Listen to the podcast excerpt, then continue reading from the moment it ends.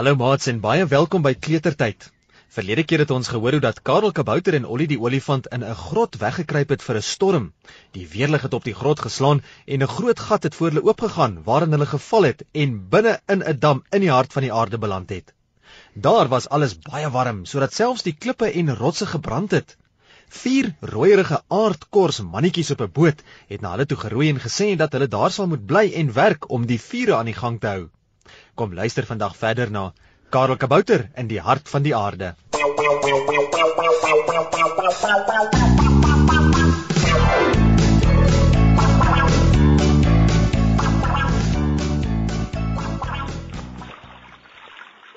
Die aardkors mannetjies rooi hulle boot al hoe nader aan Karel Kabouter en Ollie die olifant.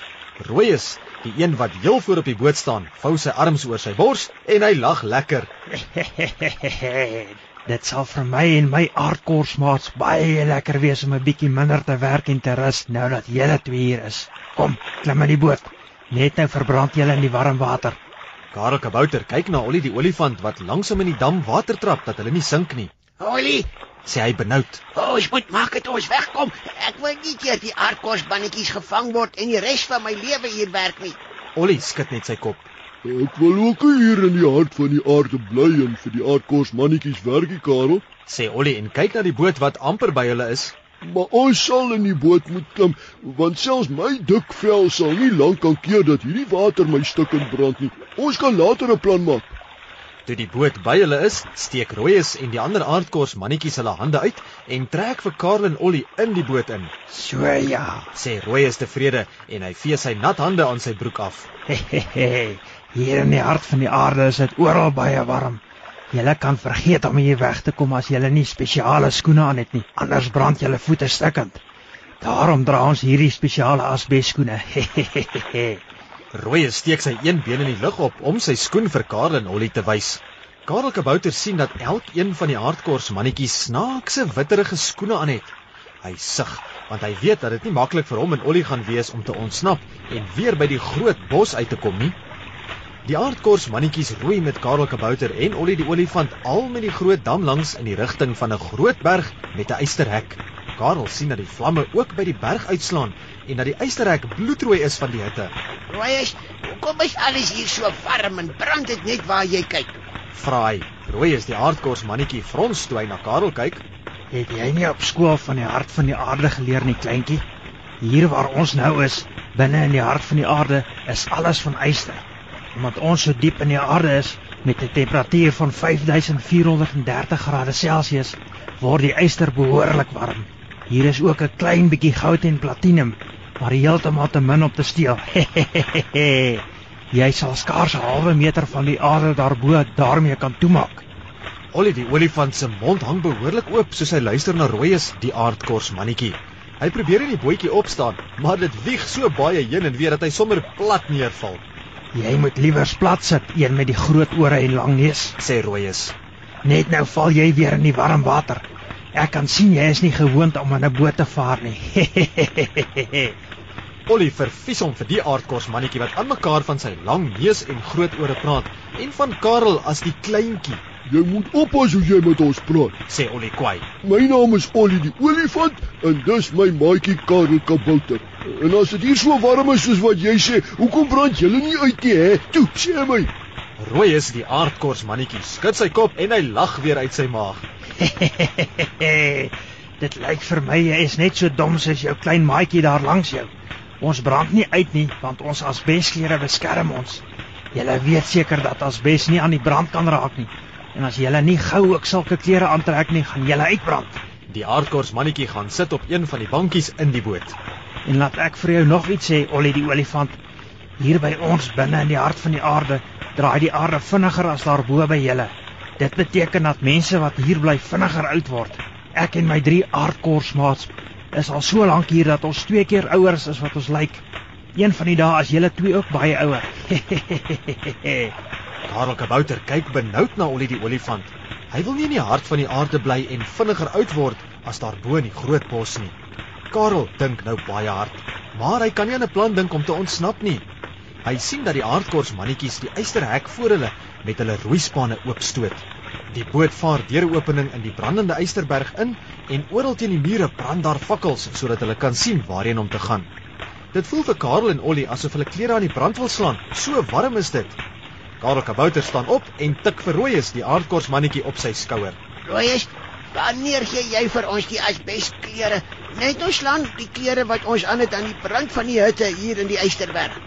Rooies die aardkorsmannetjie steek sy hand in die lug op en hy sê: Klein kaboutermannetjie Karel, wees geduldig. Ek neem julle aan ons aardkorskoning toe wat sal reël dat julle die asbesklere kry en daarna, nou ja, dan is dit reguit werkplek toe met julle. Karel Kabouter gaan sit moedeloos weer langs Ollie die olifant in die boot en hy vee die sweet van sy voorkop af. Ollie het al klaar sy hempie uitgetrek, so warm kry hy. Karel, Sê Ollie en praat half agter sy hand dat die aardkors mannetjies hom nie kan hoor nie. ek dink ons moet net eers ons asbesklere en skoene kry, dan kan ons probeer om hier weg te kom. Ek gaan nie vir die res van my lewe hier in die hart van die aarde bly en vuur aansteek nie. Die boot met die vier aardkors mannetjies, Karel en Ollie, kom by 'n gloeiende eysterhawe aan waar 'n klomp aardkors soldate op hulle staan en wag.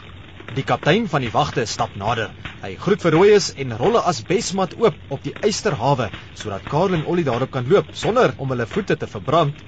Karel Kabouter en Ollie die olifant klim uit die boot en stap saam met Rooies, die aardkors mannetjie op die asbesmat tot by 'n eysterwa met eysterwiele.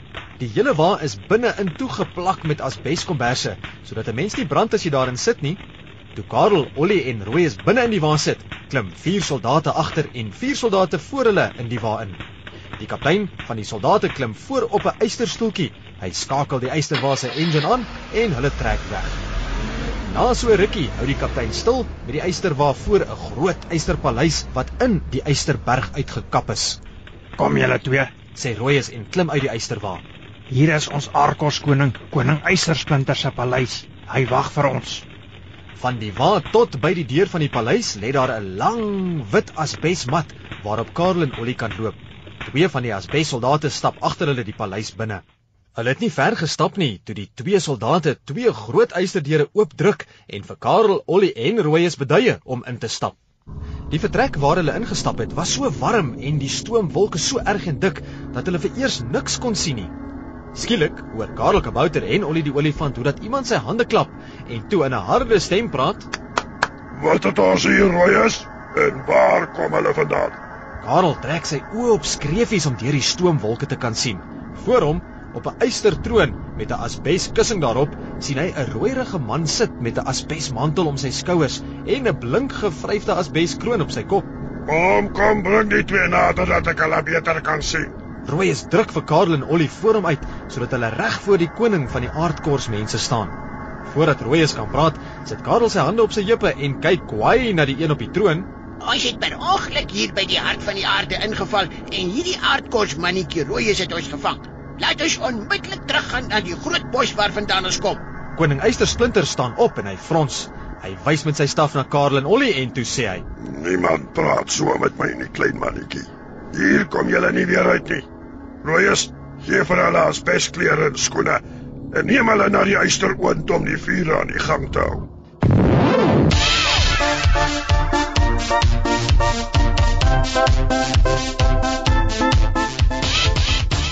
"Hoe gaan Karel Kabouter en Ollie die olifant uit die hart van die aarde kan ontsnap?"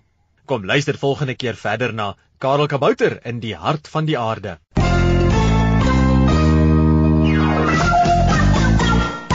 Liewe seuns en dogters, ons lees in die Bybel in Psalm 138 vers 7. As die nood my oorval, hou U my in die lewe teen die woede van my vyande in.